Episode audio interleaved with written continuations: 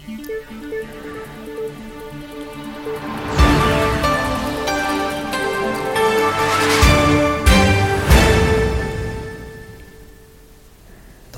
er vi tilbake i studio med en bonuspreik, Gisle. Og hva har vi lyst til å prate om i dag? Nei, det er litt om variasjon, eller alternativt.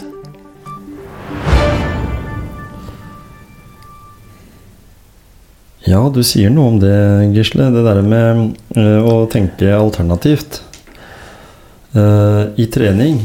Eh, vi ser jo det at mange unge de hopper på en idrett ganske så raskt. Tolv år, kanskje til og med før det. Og noen mener jo det at Ingebrigtsen-brødrene hadde jo ikke blitt så gode i løping hvis ikke det var for at de begynte tidlig å spisse det, da. Men kanskje litt sånn i forhold til skadeforebyggende også, å være allsidig. Det vet jo du alt om, Gisle, med det med å bygge opp trening litt sånn på basisøvelse, blant annet. Ja, nå, nå tenker jeg kanskje at uh, Ingebrigtsen-brødrene også er flinke med alternativ trening, faktisk. Mm. Fordi at uh, de gangene de har vært skada, så har de brukt både ellipsemaskin og annen alternativ trening. Mm. Så jeg, jeg tror nok, eh, selv om de satser på idretten løp, at det er hovedidretten, så tror jeg nok de har et øye for, for det alternativet òg. Ja. Og, det, og det tror jeg Det mener jeg er veldig viktig, for eh, også holde i gang litt den der alternative muskulaturen. For Mm. hvis du er uheldig og blir skada i idretten din, så tar det ikke så lang tid før du er tilvendt å kunne trene alternativt. Nei. Og det, det så vi jo eksempler på i helga, etter min mening, på, på Beitostølen på langrenn. Ja, for det var en Håvard Moseby som uh, gjorde gode prestasjoner.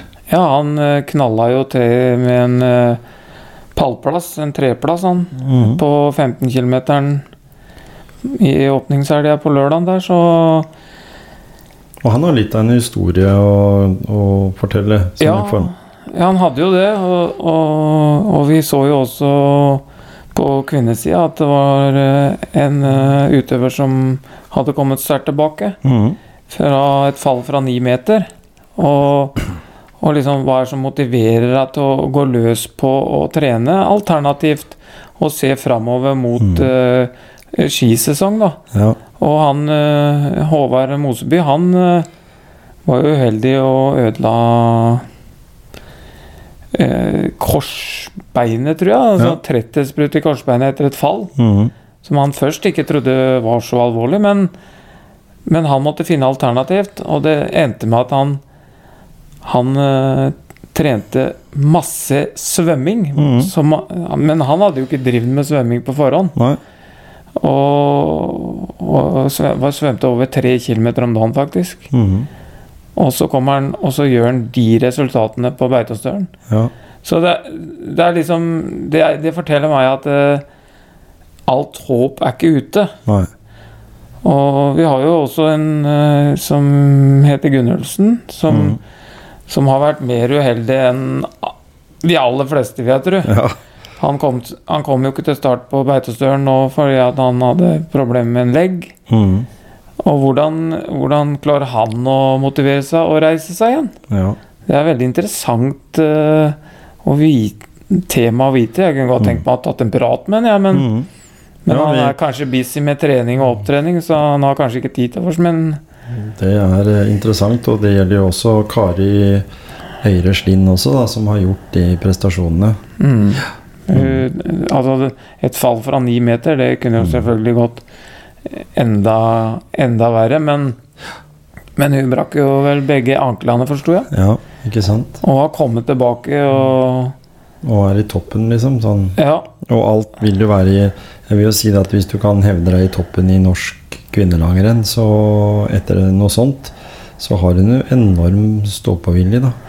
Så jeg tenker liksom at eh, en lærdom ut av det vi snakker om nå, da, i Mm. motivasjonsøyemed, det må jo være at man er eh, Man skal ikke gå og tro at man blir skada, men man kan være forberedt på det, og så kanskje eh, tenke litt alternativt Mm. selv om man ikke er skada.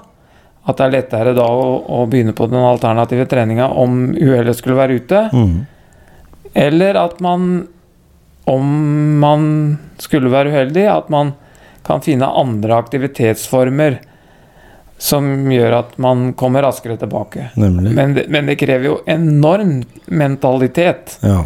En, du skal jo være ganske beinhard i huet Mm. når ikke du kan drive førsteidretten din, da, på en måte. Ikke sant? Og veldig, veldig lang tid. Ja, Mm.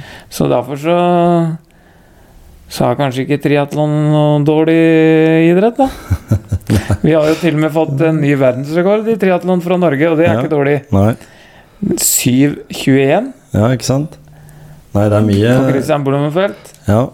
Så Nei, han, det- eh, han, har, han har jo i hvert fall trent mye alternativt. ja Eller forskjellig, forskjellig, Og da. flere, flere idretter. Ja. Nei, men konklusjonen må jo bli i denne bonuspreik at vi eh, tenker eh, å være variert så lenge du kan. ja. At det går an å kombinere flere ting, fordi du belaster jo ulike muskelgrupper og ledd og alt som er i forskjellige typer øvelser. Mm. Og, da- og, og, da, og da kan vi jo tenke fredagen Mhm. med å, å være på flere kanaler. Ja, ikke sant? Hæ? Og det er jo en motivasjon i seg sjøl, å kjempe i en, en beinhard marked som, som NRK liksom rager øverst. Ja. Å være både på FM og DAB. Og vi har uh, vært heldige ved å få Geir uh, Steine Friberg på besøk. Uh, Mister Radio Grenland Ja. personlig. ja. Og, og jeg skal røpe en liten historie fra min karriere i Radio Grenland også. Nemlig. Eller nå skrøt jeg litt, da.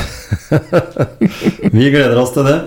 Velkommen til eh, motivasjonspreik på fredag.